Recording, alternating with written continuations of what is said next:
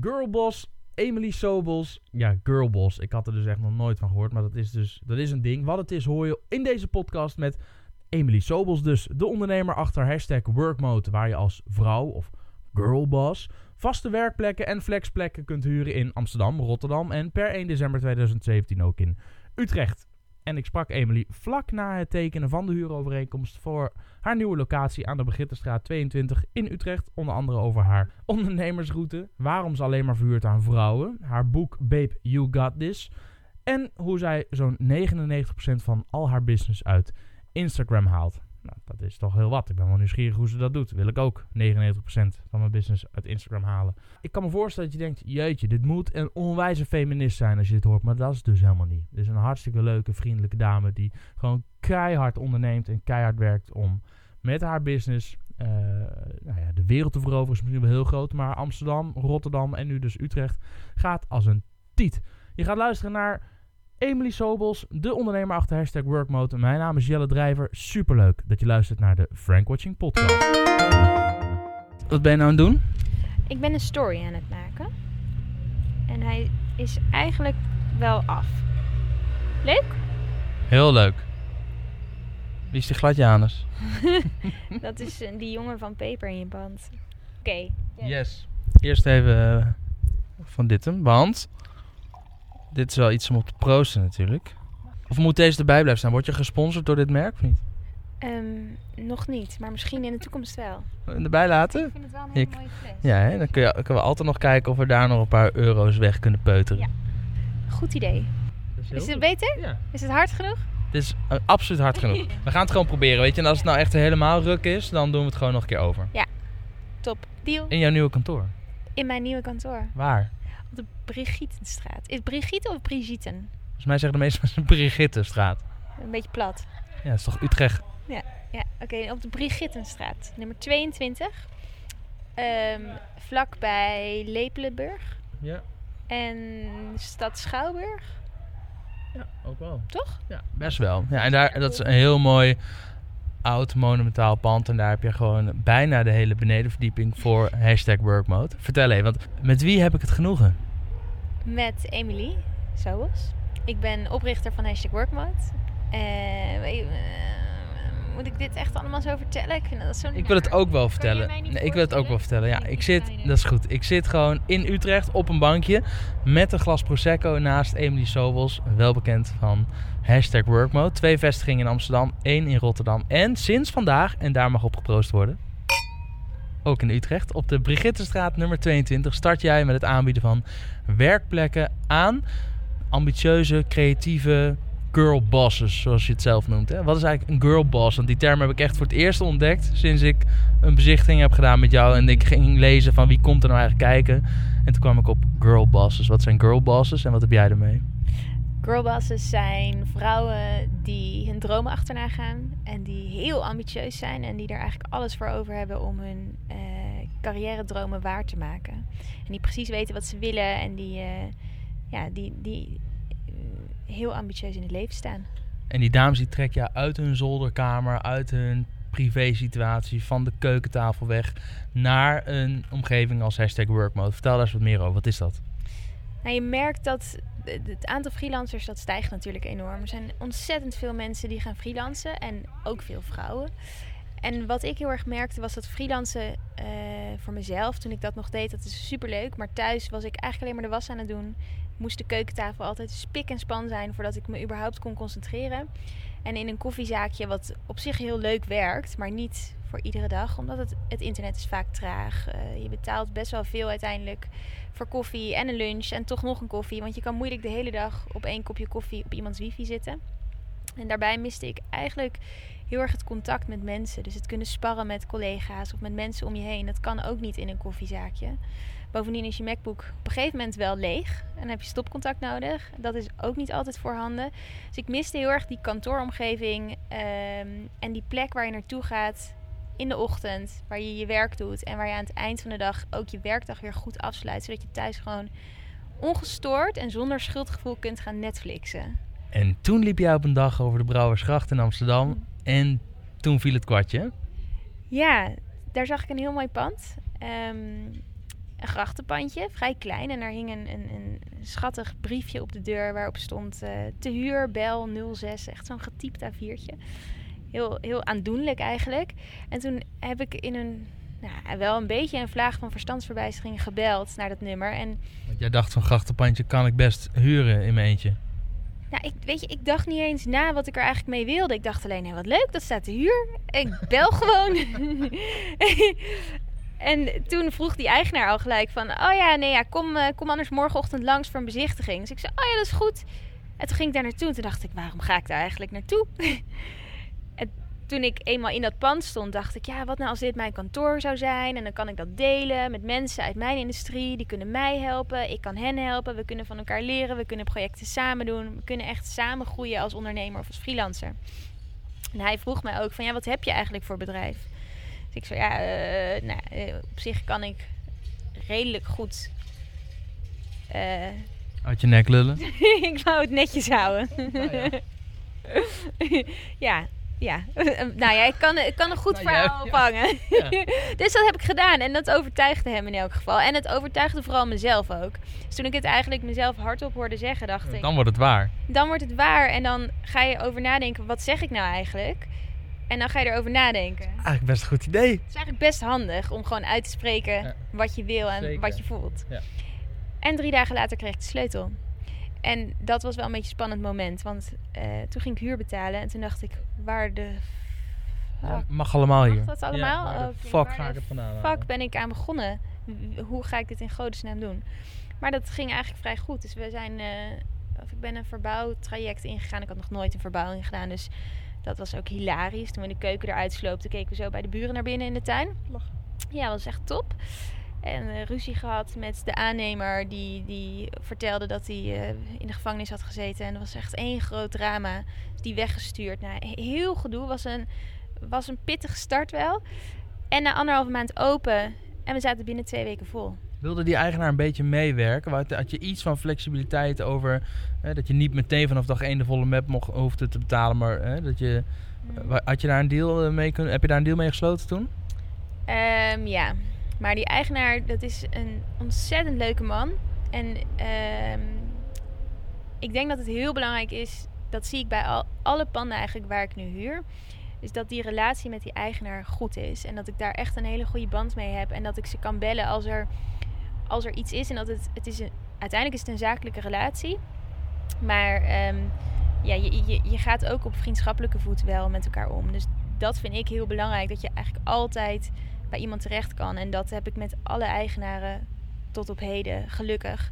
Eh, de, de eigenaar van de Brouwersgracht nodigde me laatst uit om in Spanje in zijn vakantiehuis langs te komen. En de eigenaar van de Oude Zijds in, in Amsterdam, die kwam vorige week vol trots vertellen dat hij eh, een nieuwe baan heeft. Eh, die koppelt mij aan allerlei interessante zakelijke relaties. En in Rotterdam heb ik ook een hele leuke eigenaar. laatst uitgebreid mee gegeten. Dus Weet je, maar dat is geen toeval natuurlijk. Dat komt niet uit de lucht vallen. Ik bedoel, er zullen eh, een hoop eh, dames, maar ook heren dit horen en kijken en denken, ja, maar j- j- yo, waarom heb jij dat dan wel en waarom overkomt mij dat niet? O- Hoe kan het dat het jou overkomt en overkomt het je überhaupt? Of, of, of eh, zit er iets anders achter, denk je? Nou, ik denk dat. Ik denk dat ehm, die eigenaren het ergens heel charmant vinden dat er zo'n schattig blond poppetje langskomt en zegt: Oh, ik ga dit even doen. Dat speelt mee. Ik heb daardoor denk ik de gunfactor. Maar aan de andere kant zien ze ook dat ik wel degelijk weet wat ik aan het doen ben. Ehm, en ik vind het heel belangrijk om in die relaties te investeren. En ik denk dat iedere relatie, ieder persoon die je ontmoet in je onderneming, of dat nou ehm, de loodgieter is of een hele belangrijke eh, pief ergens bij een groot bedrijf, dat het belangrijk is om echt in die relatie te investeren. Want je weet gewoon nooit wat je er nog Ja. aan gaat hebben. Dus ook mensen waarbij je op het eerste gezicht misschien denkt, ja, ehm, ermee? moet ik Ja, ermee? Of ja. dat je denkt van ja, eh, dat is maar iemand en het- ik heb die verder nooit meer nodig. Dat geloof ik gewoon niet. niemand is zomaar iemand. Nee, uiteraard. Maar ik kan me voorstellen dat sommige mensen dat je daarvan denkt, ja, deze persoon, Ja, eh, die kom ik verder niet meer tegen. Ja, ik snap wat je bedoelt. Ik heb ooit, toen ik volgens mij 17 was of zo, toen wist ik niet wat ik wilde. En toen heb ik tussen twee opleidingen in heb ik een jaar bij Scheren Foppen gewerkt. En ik kan me nog heel goed herinneren dat een, een, het was druk en er kwam een man binnenlopen echt in een oud kloffie. En eh, je zou hem geen stuiver geven, bij wijze van. En alle collega's, die, die, hè, hij, liep, hij was duidelijk op zoek en probeerde contact te maken. Er was niemand die erop afstapte en ik ben erop afgestapt. En nou, toen had hij een hele, echt een rukvraag over batterijtjes of zo. En toen heb ik hem echt, nou, heb ik hem gewoon, heb ik hem top geholpen en vriendelijk gebleven. En, en al zijn vragen beantwoord. Ik denk dat hij wel 20 minuten van mijn tijd toen eh, eh, eh, heeft ingenomen. En twee dagen later, en to- toen, en een van de collega's zei ook nog van man, wat, wij, we ben er mee bezig. En twee dagen later, toen kwam hij weer binnen, toen had hij een pak aan. En toen, kwam die, en toen vroeg hij specifiek naar mij. Toen heeft hij de hele huisraad voor zijn dochter die ging studeren, heeft hij gekocht. En daar had hij dus net lopen klussen en daarom had hij zijn kloffie aan. Dus weet je, je weet het nooit. En hij kwam op mij af omdat ik zo de tijd voor hem had genomen en hem niet behandelde als een een of andere schooier. Dus je weet het nooit. Dat is voor mij echt wel een les geweest waarvan ik dacht, oké, je moet je weet nooit wat jij ook zegt wanneer je iemand voor het gaat lopen. Ja.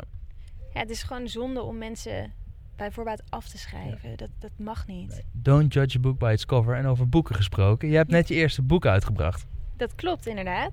Ehm, in juni, eind juni, hebben we ons eerste boek gelanceerd. Ik zeg we, want ik heb het samengeschreven met Martje Haverkamp. Een jonge dame die eh, nu bezig is met haar master. En zij had best wel wat eh, redactionele ervaring al. Eh, kwam bij mij voor eh, eigenlijk iets heel anders. En we raakten met elkaar in gesprek. En ik had het idee van het maken van een boek waarin we allerlei verhalen van inspirerende vrouwen zouden bundelen. Eigenlijk al in mijn achterhoofd liggen. Maar ik had zelf de tijd niet om dat helemaal uit te werken. En ik wilde dat graag samen met iemand doen die dat eigenlijk van A tot Z helemaal zou begeleiden. En de content zou samenstellen. En daar ook echt over zou meedenken.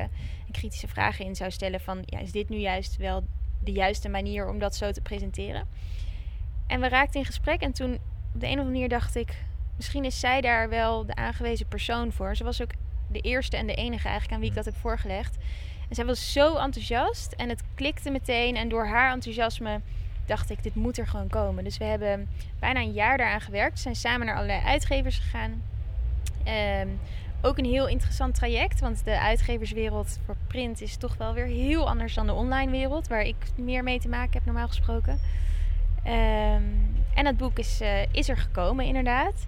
Er zijn nu bijna 10.000 boeken van verkocht binnen twee maanden. En we staan, en dan hou ik op met opscheppen, eh, volgens mij nu van de negen weken dat we in de winkels liggen, zeven weken in de bestsellerlijst. Hoe heet het boek? Het heet Babe You Got This. Voor wie is het? Ik voel me nog niet direct aangesproken. Maar is het voor mij ook leuk om te lezen? Ehm, ik denk het wel. Ik heb wel eh, van een aantal. Ik heb niet gehoord dat mannen het hebben gelezen, maar ik heb wel gehoord dat eh, vriendinnetjes het hebben voorgelezen aan hun vriend. En dat die jongens zeiden: "Eh, Maar dit is ook voor mij. En het, kijk, het, het spreekt niet direct mannen aan, want het is roze en het heet Baby You Got This. Ehm, maar eigenlijk is alle informatie die erin staat voor iedereen relevant. Want de kern van het boek is: maak je niet druk, het komt allemaal wel goed. Het zijn succesverhalen van 23 vrouwen die we dus hebben geïnterviewd. Van jong tot oud, eh, van ehm, beginnend tot al langer bezig. Uit verschillende industrieën. Met als klap op de vuurpijl Nelly Kroes, wat heel bijzonder was. Ehm, maar ze delen voornamelijk naast hun road to succes ook echt hun misstappen. En volgens mij is dat heel belangrijk in een tijd waarin we continu op social media onze mooie opgepoetste plaatjes aan het delen zijn. Om ook te laten zien wanneer het niet goed gaat. Eh, en wanneer je twijfels hebt en misschien er doorheen zit. En wat er dan niet goed gaat. Genoeg over je boek. Super. Ja, ik ga hem sowieso lezen. Dat heb ik vorige keer al gezegd, omdat ik gewoon heel erg benieuwd ben naar alle verhalen die erin staan. Maar ik heb laatst van Frank Watching in elk geval van... joh, kunnen die podcasts voor jou niet een tikje korter? Dus ik... We moeten afronden. nee, nee, zeker niet. Want we hebben nog heel veel niet besproken. En daar wil ik gewoon juist naartoe. Want je, de kern van jouw business is het verhuren van werkplekken. En dan alleen maar aan dames. Waarom nou alleen maar dames? Ik voel me direct buitengesloten als kerel. Ja, jammer hè? Ja. Ja. Ja. Hoewel mannen het dus heel leuk vinden om bij ons langs te komen. Voor Ik moet er afspraak. eerlijk zeggen, ik moet ook niet aan denken. Om daar, zeker niet als het verder alleen maar dames zijn om daar te werken. Als kerel. Ik zou er best wel tussen willen zitten voor een kopje koffie. Maar ik zou er niet de hele dag tussen willen zitten. Is het niet een enorm kippenhok bij jullie? Nee, dat zal je echt verbazen. Het is echt, meestal staat er een muziekje aan, is iedereen knijterhard aan het werk. Hoor je voornamelijk die toetsenborden zo tik, tik, tik, tik, tik heel snel gaan. Hoor je af en toe wat hakken op de vloer. En eh, wordt er wel wat gekletst, maar het is, eh, het is gewoon best wel rustig. Iedereen is echt heel hard aan het werk. En ehm, nee, ja, dat valt gewoon heel erg mee. Ja, wa- waarom heb je die keuze gemaakt? Om het, want het is echt een girl boss only ook, Ja. hè? Dus Alleen maar dames. Waarom alleen maar dames? In eerste instantie omdat ik veel vrouwen in mijn netwerk had. En dat eigenlijk een soort van samenloop van omstandigheden was. Dat ging vrij toevallig. Bovendien heb ik het heel vrouwelijk ingericht. Ik denk niet dat mannen zich heel erg tot roze muren en neonletters voelen aangetrokken. Ehm, maar daarna, eh, al vrij snel werden wij door, volgens mij was het de L of de Marie Claire, omgedoopt tot de coworking space voor vrouwen. En dan gaat er bij mij een soort van dingetje in mijn hoofd spelen van... hé, hey, dat is interessant, waarom zijn wij dat? En is dat slim? En werkt dat dan? En is dat niet gevaarlijk? En, of is dat juist heel handig om te doen? Dus dat is een hele bewuste positionering geworden. Omdat we ons daarmee onderscheiden van al die coworking spaces... die zeker de laatste paar jaar echt als paddenstoelen uit de grond poppen. En dat maakt ons wel heel anders dan een andere space. Er is verder niks zoals wat wij doen in Europa. Cool. Online is voor jullie super belangrijk. Ook eh, niet alleen om je te laten zien, maar ook om gewoon nieuwe, ehm, eh, nieuwe huurders te werven. Even eh, Emily Sobels eh, online. Hoeveel volgers heb je op Instagram? Volgens mij is dat niet belangrijk. Moet ik het dan zeggen? Nee, maar gewoon even om een, om een, om een idee te krijgen. Ik heb zelf op mijn eigen account volgens mij 13.000 volgers. En op hashtag workmode hebben we nu 18.000 volgers. Dus we zitten rond de 30.000 volgers. Aantal contactpersonen op LinkedIn? Mm, 1500? Zoiets? Ik heb geen idee. Vriendjes op Facebook? Dat weet ik echt niet. Fans op Facebook? Een paar honderd of zo. Niet zoveel. Maar je hebt mij wel verteld dat Instagram, waar je dus met hashtag workmode zo'n 18.000 volgers hebt en jij zelf ruim 13.000, dat dat het allerbelangrijkste kanaal is voor jou om business te genereren, zeg maar, hè, huurders aan te trekken. Vertel daar eens wat meer over, want ik denk dat er heel veel bedrijven nu nog niets met Instagram doen en denken, eigenlijk, want jij haalt praktisch al je business gewoon uit Instagram. Ja, dan moeten ze mij sowieso meteen bellen. Dan ga ik ze helpen. Ja. nee, ja, ehm, Dat doe je ook nog. Dat doen we ook nog inderdaad. Ik haal vrijwel, nou ik denk 90 tot 95 procent van mijn business uit Instagram. Omdat het het perfecte kanaal is om mensen te inspireren. En uiteindelijk wil ik dat mijn huurders, die, dat zijn jonge vrouwen tussen de 20 en 35 ongeveer. eh, die zitten echt veel op dat platform, loggen meerdere malen per dag in, zijn heel actief. Ehm, die vinden mij daar en die zien direct hoe onze spaces eruit zien, eh, waar het over gaat, wat het gevoel is, wat de sfeer is, eh, wat we belangrijk vinden. En ze krijgen daardoor meteen een beeld van wie wij zijn. Je kan tegenwoordig heel makkelijk via Instagram ook contact opnemen met ons. Eh, dus vrijwel iedereen vindt ons op die manier. Ehm, en daarnaast is het gewoon een heel mooie manier om andere merken ook in de spotlight te zetten. Dus we kunnen daardoor hele toffe partnerships afsluiten met grote en bijzondere merken. Om hen weer een podium te geven aan niet alleen onze huurders die die producten bij ons op kantoor zien, maar ook al die volgers. En terwijl ik nog een glas inschenk met die bubbels, kijkt Emily op haar Instagram-account om te kijken wat voor reacties er binnenkomen op het feit dat ze een nieuwe vestiging gaat starten in Utrecht. Dat zou ik graag helpen bij 1 in Groningen. Bij één in Groningen. Dat is wel ver fiets hoor, Emily. heb ik al geprobeerd, Groningen is niet te doen. Is het zo? Hebben we het geprobeerd? Ja. Waarom is, waarom is Groningen? Nijmegen, inclusief bakkersruimte. Maar waarom is jouw, jouw concept... Nee, maar dat is toch briljant? Je krijgt nu reacties. Zo raar. Het zijn allemaal mensen die ik niet ken, die dan zeggen: Kom je daarheen, kom je daarheen. Heel erg leuk. Heel tof. Groningen. Maar waarom is Groningen bijvoorbeeld? Je zegt Groningen heb ik wel eens geprobeerd, maar nou, dat is, was een lastige markt. Waarom was dat lastig? In Groningen zijn heel veel studenten. Ja. Studenten betalen niet voor een werkplek. Studenten zijn arm. Is misschien wat hard. Misschien moeten we dat opnieuw doen. Dat is een beetje onaardig. Nee, man, als dat, als dat eh, de realiteit is, dan is het de realiteit. Maar ik kan me voorstellen dat er zijn gewoon wel ook hele toffe coworking spaces in. ehm, volgens mij het Lounge Café of zo in, in, eh, in, in Groningen, als ik me niet vergis. Ja. Ik heb, eh, ja, is dat? Ja, dat was overigens ook een hele leuke gozer die daarachter zit. Ik heb een keer geïnterviewd toen ik deelnam in de jury van de... of nee, ik was Asus Flexplek ik was onderdeel van het Asus Flexplek, nationale Flexplek testteam Test Award nog iets. Een heel uh, lastig naam, een kakverhaal. Maar daarvoor mocht ik een aantal uh, flexplekken in Nederland gaan testen. Waaronder het Loungecafé in, in Groningen. Dat vond ik een hele leuke plek. Maar daar zaten wel heel veel hele leuke creatieve mensen die allemaal ZZP'er zijn wel te werken. Goed, dat wil natuurlijk niet zeggen dat jouw concept daar dan ook per definitie zal aanslaan. Nou ja, ik richtte me toen heel erg nog echt alleen op bloggers. Hmm. En dat was in eerste instantie waar ik me echt voornamelijk op richtte. En bloggers heb je absoluut in Groningen, maar wel weinig. Ja. En er is altijd toch een soort van doorloop ook in, het, uh, in de flexhuurders. Um, dus die pool moet wel groot genoeg zijn. Dus je kan niet als je uh, eh, 15 plekken aanbiedt. En dan kan ik ongeveer 30 contracten op afsluiten. Dan moet ik zeker weten dat er ongeveer 100 potentiële mensen zijn. En als dat er niet is. Groningen is wel echt klein. Ik, ik had het heel graag gewild. Mijn schoonfamilie komt er vandaan. Dus het was gewoon een heel makkelijke manier om daar toch ook te, iets te gaan doen. Maar wie weet, ik sluit het niet uit. Gewoon ook een heerlijke stad, maar ik, ik, snap wat je bedoelt. Waar ik, uh, daar hebben we het nog helemaal niet over gehad. Want jij hebt eigenlijk twee activiteiten. Want ik noem wel uh, vooral het verhuren van de flexplekken.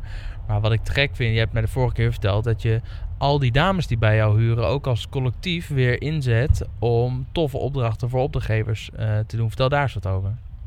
Ja, we zijn eigenlijk steeds meer aan toe gaan naar een soort van agency-achtige constructie. Ik wil het liever niet een agency noemen, want just another agency. Um, maar wat we merken is dat er zoveel talent in house zit. En het mooie is, um, ik kan bijna campagnes runnen alsof ik een reclamebureau ben. Want ik heb een grafisch ontwerper naast me zitten. Ik heb een illustrator, ik heb een webdesigner, ik heb een webdeveloper. We hebben een SEO-specialist, we hebben een copywriter. Je kan daarmee zoveel grote projecten doen. En veel merken benaderen ons en willen dan eigenlijk dat talent van die community inzetten voor hun campagnes of projecten. En wat is jouw rol dan? Jij krijgt dan betaald als projectmanager of zo? Ja, wij, wij zetten de hele, het hele project op. Wij doen de onderhandeling en vervolgens huren wij die freelancers, want dat zijn eigenlijk alleen maar freelancers, huren wij in. Uh, voor hun uurtarief en wij zetten het tegen een hoger tarief weg. Wij pakken daar gewoon een marge op. Dat ligt een beetje aan de campagne natuurlijk wel.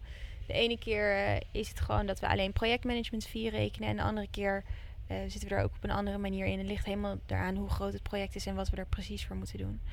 Maar dat is, dat is heel erg leuk. Dat is echt heel tof. Je hebt gewoon al vier vestigingen nu. Ja, sick hè? Gek. Weet ook niet zo goed hoe dat voelt. Ik ben bijzonder kalm. echt bijzonder kalm. Ik was heel zenuwachtig toen ik de tweede ging tekenen. Toen heb ik echt een paar keer ben ik teruggefietst. Omdat ik dacht, nee, ik ga het niet doen. En toen toch weer naar die makelaar. En toen, nee, ik ga het toch niet doen. En toen uiteindelijk toch getekend. Heel blij mee. En in Rotterdam ook wel weer heel spannend. Ik ben nu erg erg relaxed. Het voelt heel goed. Het is een hele goede keus. Om naar Utrecht te gaan? Ja. Ja, het is echt een hele goede keus. Ja. het is natuurlijk niet mijn band waar je gaat zitten. Maar ik heb, ik heb het wel bemiddeld. En ik denk dat het voor... Eh, om nou te zeggen dat het voor Utrecht gek is, is misschien wel. Eh, dat zou. Ja, misschien ook wel. Ja, ja, natuurlijk. Ik denk dat het in elk geval voor alle andere huurders in dat pand waanzinnig tof is dat jullie erbij zijn. Dat, dat, kan, dat, daar ben ik van overtuigd. Ja, maar ik denk ook echt voor Utrecht. er zijn hier zoveel vrouwen. Zoveel ambitieuze vrouwen. En je wil niet weten hoe lang of hoeveel mensen al. Nou, ik denk sinds dat we in Rotterdam zijn opengegaan. En dat is nu bijna. Dat is iets meer dan een jaar geleden. Wordt me. Nou, een paar keer per maand gevraagd: wanneer kom je naar Utrecht? Wanneer kom je naar Utrecht? dan ga ik vragen: waarom heeft het zo lang geduurd? Waar was het perfecte pand? Waar was, die, waar was ze al die tijd? Ja, maar echt. Ik wachtte op het perfecte pand en daar was het. Waar heb jij dit pand nou eigenlijk voorbij zien komen? Hoe ben je überhaupt bij ons terechtgekomen? Ik was het zo zat dat er op Funda niks was. Er stond niks op Funda. Dus toen heb ik uiteindelijk uh, op Google ingetoetst kantoorruimte Utrecht huren. en bovenaan stond um, en, anders? nou, nee, bovenaan stond een linkje naar een website met foto's van dit pand, van de zolder. Ja. En toen dacht ik, nou, dat is veel te mooi. Dat kan helemaal niet. Dat is te mooi om waar te zijn. Dat is, zijn waarschijnlijk plaatjes van Pinterest die iemand dan ergens bij. Het was een beetje een aparte website. Tom, even credits voor jou, want jij hebt die foto's gemaakt en je hoort het. Heel goed gedaan. Heel goed. Echt heel goed gedaan. En toen heb ik het adres ingetoetst, want ik dacht, ik wil toch wel even weten wat dat dan precies is. En toen kwam ik bij Paper in je pand. Die stond bovenaan. En toen was ik echt dat ik dacht, wow, dit is mooi. Ik dacht, nou, dat, dat kan heel, dit, dit is vast al weg. Dat is vast weer zo'n dingetje wat... het was pas twee weken later dat het hele pand ook in één keer Ja. al weg was. Het ja. was gewoon het perfecte moment, perfecte pand. Het ging allemaal soepel. We hebben volgens mij in... Volgens mij kwam ik op donderdag kijken en hebben we op maandag besloten om het te gaan doen. Ja. Dus binnen vijf dagen is wel, dan moet iets wel heel goed voelen. En één keer maar gezien ook. Dat vind ik ook altijd wel spannend. Normaal ben ik echt wel van heel lang nadenken over dingen en meerdere keren kijken en echt alle opties afwegen. En dit was gewoon vrij duidelijk. Dit was het gewoon. Dus ik ben, ik ben ja, daarom ben ik misschien zo zen. Ja. Nou, wat goed. Ik, ehm, ehm, eh, ik had net nog een briljante vraag, maar die weet ik niet meer. Dus stel ik gewoon een andere. ik ben vooral benieuwd. ehm, jij bent wel echt een Instagrammer. Ik hou jou nou sinds je de eerste keer bent wezen kijken een beetje in de gaten natuurlijk op Instagram. Ehm, je hebt al gezegd hoe belangrijk het is voor je business. Wat is nou eh, je- jouw nummer 1, 2, 3 tip voor mensen die Instagram al wel een beetje gebruiken, maar nog niet echt? Of mensen die er überhaupt nog aan moeten beginnen? Mm, vertel een echt verhaal. Dus niet eh, alleen maar prachtige foto's met een, ehm, een, een, een fluttekst. Ehm, maar vertel echt waar het over gaat en vertel jouw verhaal. Want daarmee laat je zien wie jij bent en wat uniek is. En mensen houden van mensen. Daarom is het heel moeilijk voor bedrijven om ehm, een groot, groot eh, gevolg op Instagram op te bouwen. En, maar als je het als als persoon insteekt of met personal branding aan de haal gaat, houd het dan ook echt heel persoonlijk. Ehm, dus dat. Toch even hashtag workmode meer volgers dan Emily Sobels. Ja, dat klopt. Maar ehm, we zijn wel heel persoonlijk op hashtag workmode. Eh, we laten heel veel mensen zien. We geven echt een podium aan onze huurders. Dus je zult mij niet heel vaak op hashtag workmode zien bijvoorbeeld. En mijn team ook niet heel vaak. Ehm, maar meer juist, we willen, we willen die huurders in de spotlight zetten. En eh, dat komt ook omdat we omdat onze huurders eigenlijk continu foto's van ons delen met hun eigen following. En op die manier we heel hard groeien. Dus zij zijn eigenlijk onze ambassadeurs. En ik heb zelf niet heel veel ambassadeurs die foto's van mij gaan delen. Dus dat gaat dan wat minder hard. Eh, daarentegen heb ik, is de engagement rate bij mij een stuk hoger. Echte verhalen zijn het al. Wat is jouw favorite failure? Je bent vast in je loopbaan, of het nou, hè, want je hebt ook bij, eh, eh, wat heb je hiervoor ook weer gedaan? Fashionista, toch? Een fashionista mede opgezet. Online fashion community. Heb ik zes jaar gezeten. was een hele bizarre tijd. Ja, nou, in, in die hele bizarre tijd en nu in je ondernemersloopbaan ben je ongetwijfeld als knijterhard op je bek gegaan. Behalve het feit dat je eh, eh, geen aandelen hebt eh, verworven. Fashionista, dat had je, natuurlijk, had je natuurlijk al lang en breed moeten doen. Wat is dan je second favorite failure? Hmm. Ja, daar moet ik wel even over nadenken. Ik zie je ook vooral denken van lul, Ja, wat ga je er echt uitknippen? heel jammer dit. nee, er zijn natuurlijk gigantisch veel dingen misgegaan. Ik, ik, ik van eh, een jaar lang een verkeerd salaris overmaken naar een werknemer. ehm, tot aan eh, ja, toch gewoon niet de juiste keuzes maken om met bepaalde mensen samen te werken. Eh, maar ook niet genoeg naar jezelf luisteren. En dat klinkt misschien super corny wat ik nu ga zeggen. Maar jouw gut feeling is zo ontzettend belangrijk. Als iets niet goed voelt, dan moet je het niet doen. Ik heb, eh, en dan wordt het echt zo'n tranentrekker, maar ik heb vijf jaar geleden epilepsie gekregen. Eh, ik was eh, voor werk in New York, voor Fashion Week. Had veel te veel, veel te veel gedaan en was echt gewoon eigenlijk kapot. En ging nog heel veel één rondje Broadway doen om heel veel mijn zinnen te verzetten. En ben in de H&M nokkie gegaan. En lag daar te space op de vloer. Dus dat was niet echt een topmoment. Maar ben er wel achter gekomen dat je eigen grenzen opzoeken, dat dat niet echt is waar je het in moet zoeken. En dat je nog steeds als ondernemer wel heel hard kunt werken en echt wel gewoon het onderste uit de kan kan halen. En heus wel tot laat op kantoor mag zitten af en toe. Maar dat er ook iets tegenover moet staan, namelijk genieten en leuke dingen doen. Het is vandaag donderdag, waar zit je morgen? Morgen ga ik naar het strand. Heel goed. Over gut feeling gesproken, volgens mij eh, wordt dit één groot succes. Ja? Ik vond het heel leuk om met je te kletsen en om te horen hoe je überhaupt hashtag workmode runt. Hoe je Instagram daarbij gebruikt.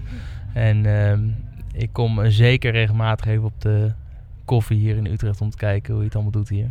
Top, dankjewel. Proost. Cheers. Ook wel corny hè, zo afsluiten. Ja, Heel heel. ja. Nee.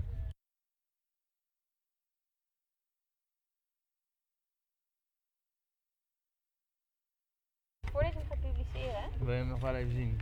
Ja. Oh, dat is een goede doen. failure geweest. Heb je dat wel eens gedaan? Oh man. Vertel, toch nog even een failure hier op de valreep.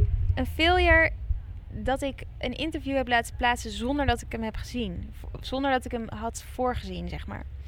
Het was echt een... eh, eh, Oh, verschrikkelijk. Ik werd weggezet als ehm, het paard van Troje.